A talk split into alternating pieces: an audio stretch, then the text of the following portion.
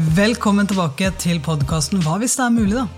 I dag har jeg lyst til å snakke om forskjellen på det å gi seg når det er det fornuftige å gjøre, og det å gi seg bare fordi du kjenner at det, det her blir for tøft.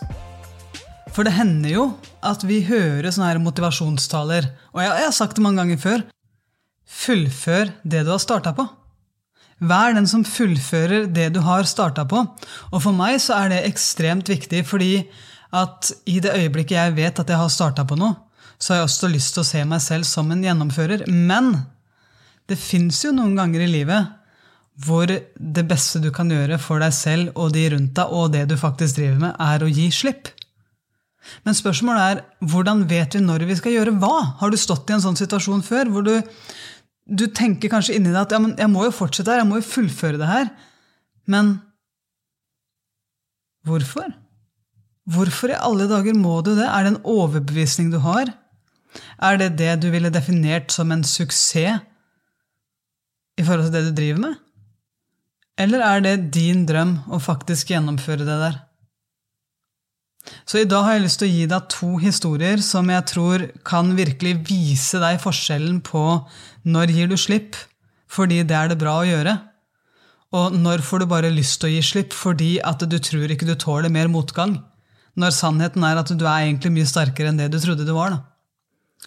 Så det er vanvittig mye vi kan lære ut fra våre egne prosesser her. Og jeg, jeg har bare lyst til å gi deg den her sånn, fordi jeg tror virkelig på det med å, å, bli kjent med oss selv og våre egne intensjoner, hvor mye det faktisk kan styrke oss. da.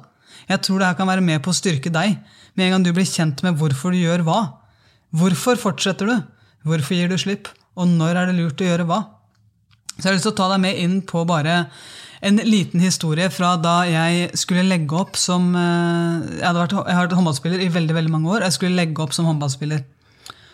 Og når jeg la opp, så hadde jeg allerede begynt å meditere. Jeg hadde meditert i noen år og fant veldig mye klarhet, fant veldig mye fokus gjennom meditasjon. Jeg merka at det var mye lettere for meg når jeg mediterte, å komme inn i fokus på banen å være der når jeg var der. Og jeg tror både du og jeg vet at det er en fordel noen ganger. Da, å være der når du er der. Som, du vet den deilige følelsen når du er et sted, og så er du der i tillegg.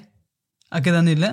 Jeg, jeg syns det er helt topp. Jeg vet at kona mi syns det er helt topp når jeg er der, og så er jeg der i tillegg. Og det tror jeg gjelder deg òg, noen ganger. At det er greit å være der. Så for meg så blei det her sånn så stort. Og jeg skjønte, jeg skjønte, virkelig ikke hvorfor ikke flere trente på fokus. Og jeg tror at mye handla om at vi i vår verden bruker ikke ordet fokus, vi bruker ordet meditasjon. Og da tenker folk ah, lotus, røkelse, dette er ikke noe for meg, jeg kan ikke gjøre det der, og jeg har ikke en kropp som er bygd for å sitte i ro. Det er der det veldig mange bare Nei, mm, mm, mm, mm, ikke for meg. ikke for meg. Og det er greit. Men jeg hadde lyst til å utforske det her mer, fordi jeg fant ut at for meg så har det hatt en så markant altså det har gjort en så enormt stor forskjell at jeg kan ikke sitte på den skatten uten å gi det videre. Så jeg hadde så lyst til å hjelpe mer mennesker med å få innsikt i fokus, få innsikt i meditasjon, og hvilke enorme fordeler det her kunne være for deg. da. For jeg vet hva det har gjort for meg. Men det her er nå fem-seks år siden. Da begynte det også å komme litt av det til Norge, og da begynner jo kritikken. Sant? Da begynner jo mennesker å virkelig samle opp det som er av negativitet rundt meditasjon. Hvorfor skal man ikke meditere? Har du merka at det er det vi gjør? Hvis, hvis noe liksom er Noe blir sagt at ja, men det her det er bra for deg, men du kjenner nei, ubehagelig eller ukomfortabelt, nei, passer ikke helt min livsstil, da er det veldig gull å klamre seg fast i den forskninga som viser at det her kan være direkte dårlig for deg. Og jeg vet i hvert fall mange som gjør det med diverse forskningsrapporter. Eh, men for meg så var det her litt spennende òg, for jeg, jeg kunne jo ikke så mye på den tida der om akkurat det her som jeg kan nå. Og jeg hadde lyst til å utforske det. Er det sant det de sier, at hvis du mediterer mye, så kan du rett og slett bli deprimert og få angst? Det hadde ikke jeg erfart. Det var ikke i, var ikke i mitt repertoar, i min erfaringsbase, i det hele tatt. Og hvordan kan det bli det? Jo, det er jo hvis jeg mediterer massivt mye. Jeg må jo vite hva jeg snakker om. Hvis jeg skal gi det her videre, så må jeg virkelig vite det, og jeg må utsette meg sjøl for å kjenne på det.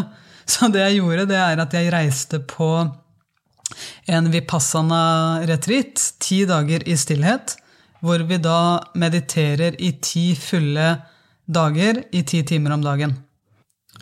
Og det må jeg bare være helt ærlig på, at det var ikke naturlig for min kropp å gå inn og meditere i ti timer om dagen. Jeg hadde en maks på 20 minutter per dag på den tida der, og var ikke veldig vant til å sitte i ro heller. Jeg, jeg var jo idrettsutøver, så det var jeg heller ikke veldig vant til.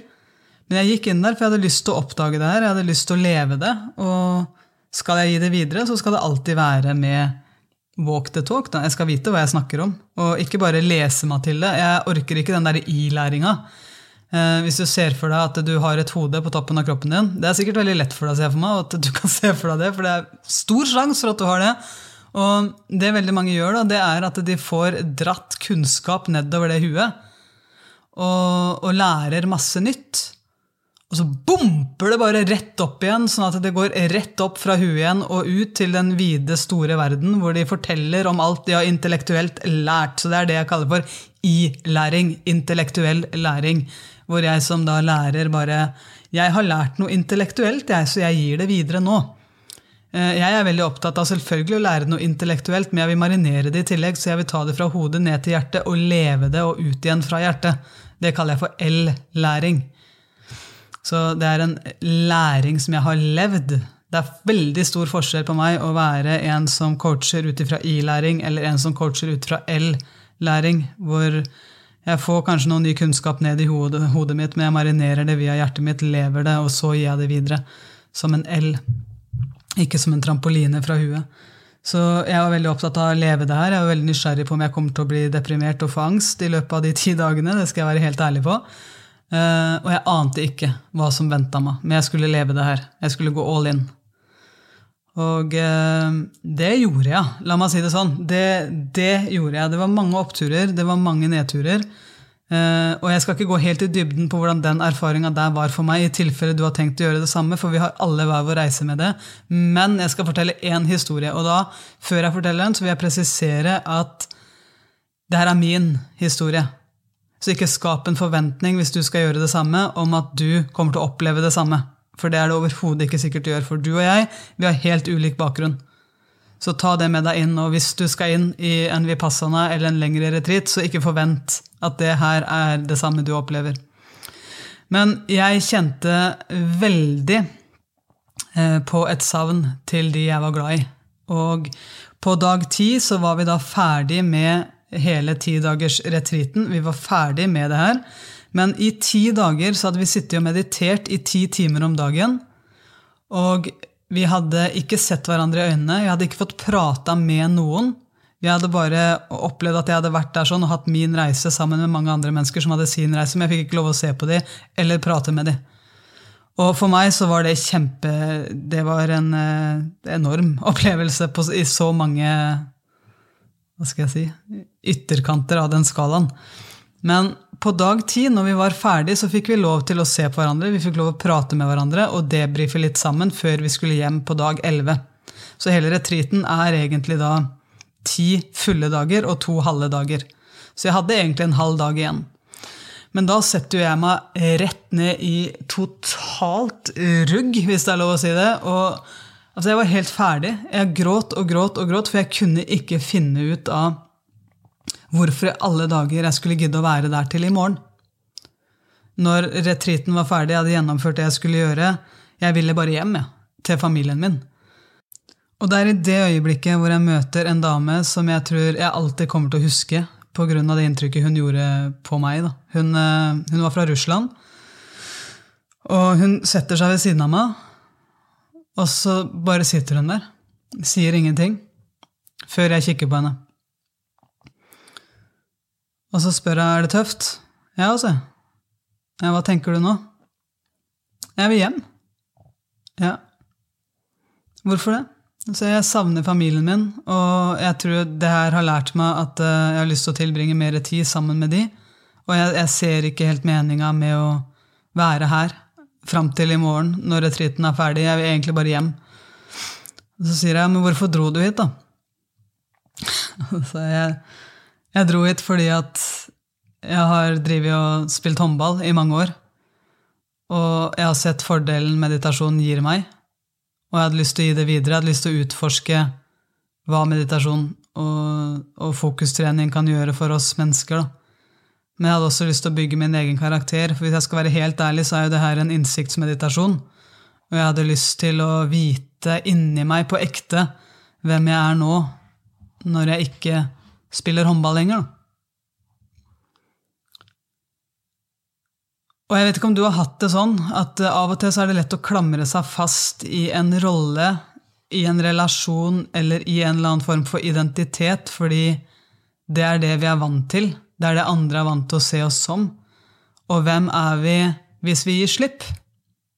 Det hadde jeg lyst til å utforske. Hvem er du hvis du gir slipp på det som har vært din identitet da, i så lang tid? Det som du har fått anerkjennelse for i så lang tid. Hvem er du da? Og, og hun, hun kikka på meg, hun lytta til alt jeg sa. Hun sa veldig veldig lite, men hun var innmari god på spørsmål. Og så sier hun til meg at uh, du kan jo gjøre det. Du er jo helt fri. Det er jo ingen som holder deg igjen her. Du kan dra hjem til familien din, og alt blir bra. Ja, bortsett fra inni deg, da. Og så klapper han meg på skuldra, og så reiser han seg opp for å gå, og går litt bortover i skogen der som vi fikk lov å gå en runde. Og så ble jeg bare sittende og tenkte, hva skjedde nå? Bortsett fra inni meg, hva mener du? Det er jo der jeg vil være, hvorfor skulle ikke det være bra inni meg? Så jeg fulgte etter henne, da, så sa jeg hei, vent litt. Så gikk jeg etter henne inn i skogen der, og så, så spurte jeg hva mente du nå? Bortsett fra inni meg, hvorfor skal ikke det være bra? Jeg har, jeg har gjort det jeg var her for. Ja, sier jeg. Men du kan komme hjem til barna dine, du kan komme hjem til kona di i dag istedenfor i morgen, selv om de forventer at du kommer hjem i morgen. Ja, altså. Ja. Og da kommer du til å ha det godt, sant? Ja! jeg kommer til å ha det godt, så det er derfor ikke jeg skjønner hvorfor ikke det her ble bra inni meg. Sier han nei. Men inni deg så har du noe som, som kommer til å lære. Av alle valgene du tar, så lærer du av deg selv. Og det du forsterker nå, det er den delen av deg som lærer seg å ikke fullføre det du starter. Og ungene dine, de vil se at det er greit å gi seg. Så du kan dra hjem i dag eller du kan dra hjem i morgen. Hva er det du inni deg vet at du vil være mest stolt av ett år fra nå? Hvilken egenskap er det du har lyst til å bygge videre på? Har du lyst til å være den personen som gir seg når det begynner å bli tøft? Eller har du lyst til å være den som kjenner at det er tøft, og som bygger opp disiplinen til å fullføre likevel? Og jeg var bare helt stille, lytta til spørsmålene hennes, og virkelig tok inn det hun sa, da. Det var helt stille, og jeg var faktisk klar for å ta imot de spørsmåla. For jeg hadde satt meg sjøl i en tilstand der jeg ikke bare gikk inn i øyeblikket der jeg ville beskytte det jeg sjøl hadde sagt, beskytte det jeg selv hadde oppdaga inni meg, da. men jeg var helt åpen for andre muligheter. Har du hatt det sånn før? At du kan gå rundt med en overbevisning, rundt med en eller annen story inni huet ditt. Men du vet at eh, det er et eller annet inni deg som har lyst til å tviholde på det. Men mest sannsynlig så er jo det også noe som trenger å bli utfordra. Noen ganger, ikke alltid, men noen ganger så kan det være godt å utfordre det. For jeg var der for å bygge karakter. Jeg var der for å lære meg å følge mitt hjerte og vite hvem er jeg nå, når jeg ikke er en håndballspiller lenger. Og jeg hadde gjort ti dager. Jeg hadde gjort mine ti dager i stillhet.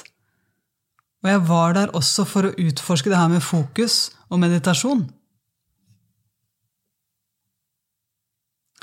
Og hun russiske venninna mi da, hun fortsetter med å si at uh, det er mulig du føler at du lider nå, men du er ikke knust. Du er ikke ferdig. You might suffer right now, but you're not broken. Og det Det var noe i det øyeblikket der. Der jeg ikke bare gikk inn for å beskytte det jeg sjøl hadde sagt, men der jeg så at det var en liten sprekk av gull i hennes spørsmål. Nesten som Golden Buddha-storyen, da. Der jeg så at hennes spørsmål og de ordene hun sa, det tok bort litt og litt og litt leire fra meg som skygga for noe som jeg egentlig visste inni meg at jeg trengte tilgang på. Og der innså jeg jo at hun snakka til en del av meg. Hun snakka til den delen av meg som ville slutte. Og det var den delen jeg var der for å styrke og for å trene opp, for det var den delen av meg som var usikker. Det var den delen av meg som var den karakteren jeg hadde lyst til å bygge opp. Den som av og til tvilte. Den lille stemmen i hodet som næga og næga og næga, og som innimellom frista meg til å unngå å gjøre ting som var ukomfortabelt, og som innimellom frista meg til å gi opp de tingene jeg inni meg egentlig visste at jeg hadde vært stolt hvis jeg hadde fullført. For det, det hun hjelper meg med å innse, da, det er at jeg nesten var der jeg drømte om å være. Jeg var nesten i mål. Og så er spørsmålet Når vet du hva som er rett? Når vet du om det er rett å bli, eller om det er rett å gå? Når vet du hva som er hva og riktig for deg? For sannheten er det at det er ingen russer som kan komme og fortelle meg hva som er bra for meg. Det er ingen, uh, ingen guru, coach, kjærester i entall, kjæreste, Ingen som kan komme og fortelle meg hva som er bra for meg. Det er noe jeg må kjenne etter inni meg. Og det må du kjenne etter inni deg òg. Men hvordan? Sånn, hvordan finne ut av det her? Og nå kommer drumroll. Det jeg har innsett da, etterpå, det er at i denne Vipassana-historien, og i historien min om da jeg slutta som lærer, Husker du den historien? Jeg sto på lærerværelset, jeg var nyutdanna lærer, og det var noe inni meg som sa slutt. Jeg vil ikke bli som min kollega som offer seg opp av sofaen og som sier ja, ja, uff, fire måneder igjen til jeg blir pensjonist. Jeg kjente det ila i hele kroppen min. Jeg var livredd for å ende opp som en person som var så totalt uinspirert i så mange år, bare fordi at jeg skulle tviholde på noe jeg hadde starta på bare fordi at jeg skulle tviholde på å fullføre det jeg hadde starta på. Fordi det skal man liksom gjøre. Den gangen slutta jeg. Men nå, i Vipassana, valgte jeg å bli. Jeg valgte å bli til dagen etter, for jeg visste at det var det rette å gjøre. Og hvis jeg skal peke nå, for at du skal forstå hvordan i alle dager du kan finne ut av hva som er rett å gjøre for deg Hvis jeg nå skal peke på stedet på kroppen min som ville slutte når jeg var i vipassana, så vil jeg peke på hodet. Hodet mitt og stemmen i hodet, det var det som kjørte meg såpass mye at jeg fikk lyst til å gi opp vipassana. At jeg fikk lyst til å gå hjem en halv dag før, og der høres ut som For meg der så var det hele evigheten, men nå når jeg prater om det, så begynner jeg å le, for det er jo en minimal greie. Men det var så ekte, da. Det var så ekte for meg at det her var det eneste rette å gjøre. Men hvis jeg skal peke på stedet på kroppen min hvor den følelsen satt, så var det i hodet. Og hvis jeg skal peke på det stedet i kroppen min hvor den følelsen satt når jeg jobba som lærer og innså at jeg vil slutte, så vil jeg peke på hjertet. Så det kan være et ganske greit kompass. da. I det øyeblikket du er i tvil om du orker mer, i det øyeblikket du er i tvil om du skal fullføre det du har starta på, eller slutte, hvor er det du automatisk ville pekt på da? Hvis du sier at du vil slutte? Er det fordi hodet ditt sier nei fordi du tror at ikke du klarer mer? Eller er det fordi hjertet ditt sier nei fordi du vet at du navigerer feil? Det er et fair spørsmål. Hvor er det du peker hen? For der kan du finne ganske mange svar. For det vil være øyeblikk sant, der du har lyst til å slutte, der du har lyst til å gi opp. Men det å finne ut av hvor mye bryr jeg meg egentlig om det her, det er et kjempefair spørsmål, det òg. For det, det åpner opp noen dører for hvorfor er jeg her egentlig? Jeg var på Vipassana for å bygge karakter. Og hvorfor jobba jeg som lærer? Jo, fordi at jeg trodde det var det rette å gjøre. Sannheten er at det var det ikke for meg. Men det rette å gjøre for meg på Vipassana, det var å vite at jeg kan komme inn i en tilstand der jeg vinner over den stemmen som sier at jeg skal slutte bare fordi det begynner å bli vanskelig. Så når er det du egentlig bygger karakter, da? Ved å fullføre det du starter? Tar det for mye energi fra deg? Er du på feil sted? Jeg visste inni hjertet mitt ja, når jeg jobba som lærer, at det her var jeg ferdig med.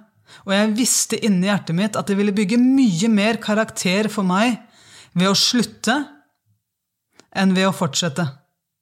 Jeg ville inspirere folk, og jeg visste inni hjertet mitt at jeg ikke inspirerte noen, og at jeg heller ikke var spesielt inspirert sjøl. Så inni meg så visste jeg hva som var rett å gjøre. Men vet du hva? Det rette å gjøre var også det vanskeligste å gjøre.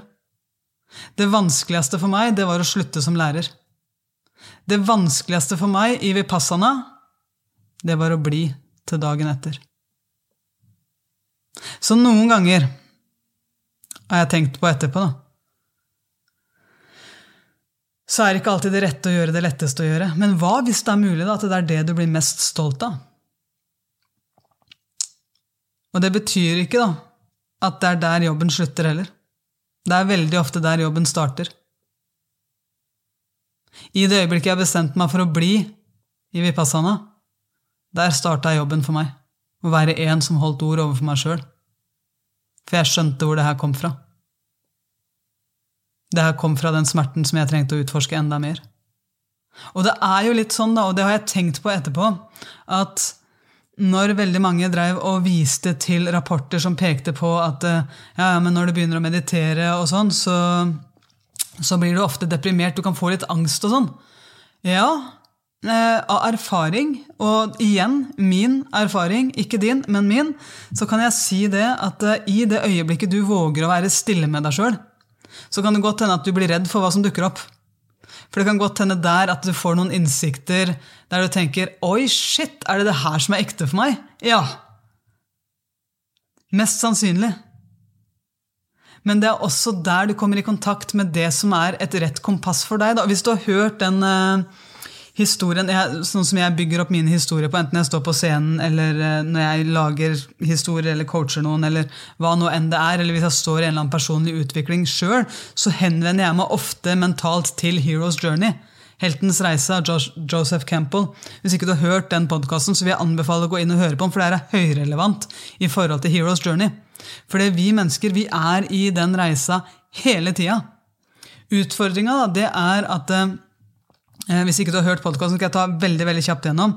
Du starter i den ordinære verden. Du starter her og nå. Hvis du bare tenker over hvordan er livet ditt akkurat her, akkurat nå. Hvem er du sammen med veldig mye? Har du en familie, har du en kjæreste, har du noen venner? Har du noe du pleier å gjøre på dagtid, om det er en jobb eller en idrett eller et eller annet som du driver med?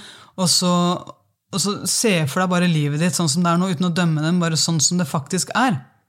Der, der, møter vi ofte i stort sett alle filmer som bygger opp storytellinga si rundt Heroes Journey, det er der vi møter stort sett alle hovedpersonene. Det er i den ordinære verden. I den verden som de lever i i det daglige, der du og jeg kan kjenne oss igjen.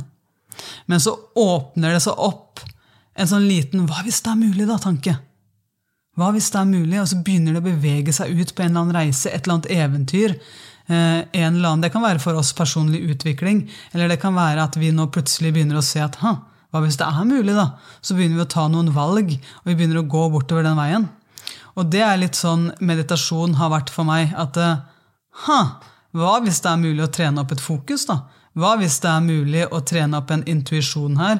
Hva hvis det er mulig å trene opp en kreativitet her, som jeg trenger i min konseptutvikling og storytelling? Hva hvis det er mulig at meditasjonen kan gi meg alle de fordelene her, og i tillegg at jeg er litt mer skjønn i tillegg? da? Det hadde vært nydelig. Så begynner jeg å gå nedover den sirkelen der sånn, sant? i Heroes Journey. Men etter hvert som jeg har meditert mye, så, så begynner det jo å dukke opp ting og mønstre som jeg har gått i før. Kanskje hendelser fra fortida, kanskje noe jeg må tilgi. Og her er vi ikke trent. Her har ikke vi mennesker godt trent i å være. Så det folk gjør, det her er det som i Heroes Journey kaller innermost cage. At vi går inn i den mørke hula. Og så, og så virkelig våger vi å være der det er litt skummelt å være. da. For meg så var det vipassana. Å sitte og meditere og være stille med meg selv i så mange timer i løpet av en dag. Jeg må ærlig innrømme at jeg var redd for hva jeg kommer til å møte i min mørke hule. Og hva er det jeg må face her? Men hvis jeg skal være helt ærlig, det ga meg også noen innsikter som har satt meg fri. Og det er ikke sånn at jeg anbefaler alle å ja, dra rett på en vipassana og, og, gå inn i den eh, mørke hula sånn helt akutt, men jeg vil anbefale å ha litt, litt stillhet. Litt tid der du ikke bare fyller opp med ting. For det er der du kommer i kontakt med det som er rett kompass. Det er der du klarer å skille hodet fra hjertet. Det er der du klarer å skille når er det rett av meg å fortsette, og når er det rett av meg å snu eller gjøre noe annet? Og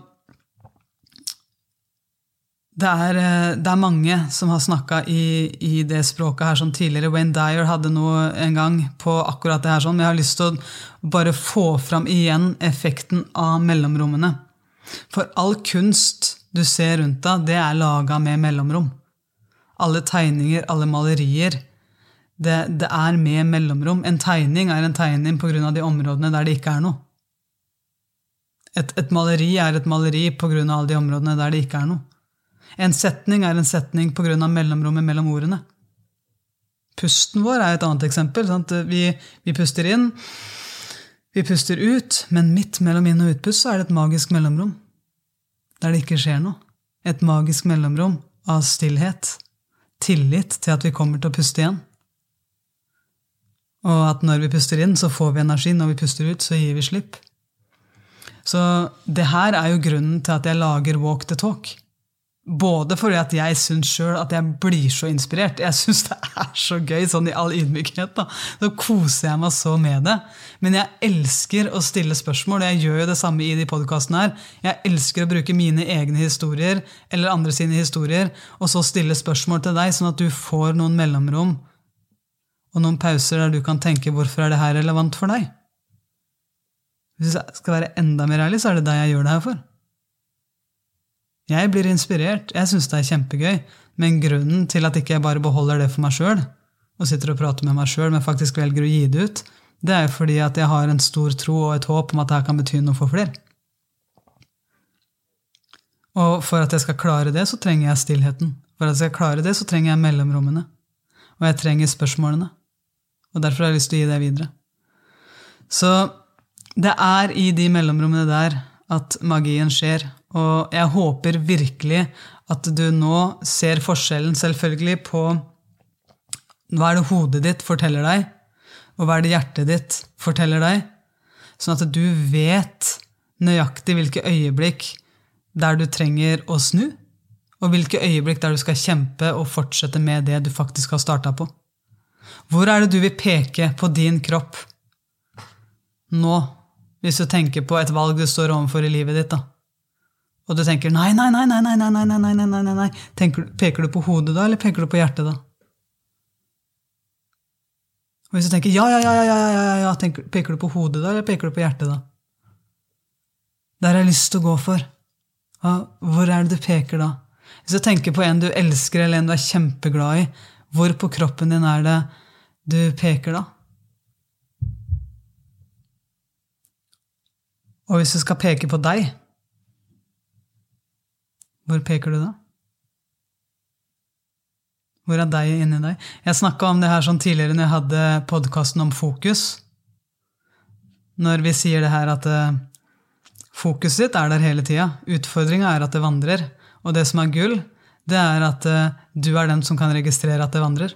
Du er den som kan registrere at fokuset ditt har tatt seg en tur. og Du har begynt å tenke på noe. Så da er spørsmålet hvem er det jeget som kan registrere det her? Hvis du skal peke på det jeget, hvor peker du hen da? Jeg for min del, jeg peker på hjertet. Og det er det jeg har lyst til å navigere ut ifra. Og alle ganger hvor jeg blir redd, alle ganger hvor jeg blir i tvil, så bruker jeg pekeøvelsen. Og jeg vet at peking det er sånn fyord, man skal helst ikke peke, men for meg jeg legger gjerne hånda mi på hjertet hvis jeg vet at det her det kommer fra hjertet. Og så legger jeg også hånda mi på hodet hvis jeg vet at det her, det kommer fra hodet. Og det betyr at det er mest sannsynlig noe jeg trenger å utfordre i mitt eget hode. Det her er mest sannsynlig noe jeg trenger å fortsette med eller bygge karakter rundt. Fordi at hvis det er en stemme i hodet nå som forteller meg å slutte, så, så kan det godt hende at det er den stemmen som jeg trenger å trene opp, sånn at jeg kan bli mer av det mennesket jeg er stolt av å være. Så jeg håper den podkasten her sånn har uh, vært interessant for deg. Uh, jeg syns det er en veldig fin forlenging av det vi snakka om sist, i forhold til å leve i tråd med hjertet og faktisk gjøre de tingene du har lyst til å gjøre. Så tusen, tusen takk for at du lytta til dagens episode av podkasten Hva hvis det er mulig, da? Hva hvis det er mulig, da? At du sjøl vet inni deg hva som er rett å gjøre. Og ja, fullfør det du starta på, hvis det kommer fra hjertet. Men hvis du inni hjertet ditt vet at det rette nå er å gi slipp, hva hvis det er mulig å gi slipp, da? Hvis du har lyst til å trene mer med meg, så finner du meg i appen Heart Mentality. Der har jeg livesendinger hver eneste tirsdag i et helt fantastisk community som jeg er så enormt takknemlig for. Og til de av dere som sender meldinger også på Instagram, takk for det. det jeg setter veldig veldig pris på det. Jeg syns det er gøy å få lov å være en del av hverandre sin reise. Eh, for for meg så er det sånn Jeg sitter her nå akkurat i dag faktisk på rommet til sønnen min og spiller en podkast fordi begge ungene mine er sjuke. Og jeg trengte å være hjemme i dag. Så nå har jeg spilt inn den her, nå har det gått litt over en halvtime, og de ligger og sover. Så jeg, håper jeg, da. Så nå må jeg gå, rett og slett. Nå må jeg opp og være mamma. Men, men det å få lov å sitte her sånn og spille inn den, og så, og så virkelig kjenne at eh, ja, jeg, jeg, gjør kanskje det her, men så får jeg en melding fra deg som hvor jeg skjønner at eh, det her betyr litt. Da. Det, det setter jeg veldig veldig pris på. det skal du vite. Så tusen, tusen takk for at du lytter til podkasten, og takk for at du er med på å, å utforske. Følge ditt hjerte og finne ut av hva hvis det er mulig.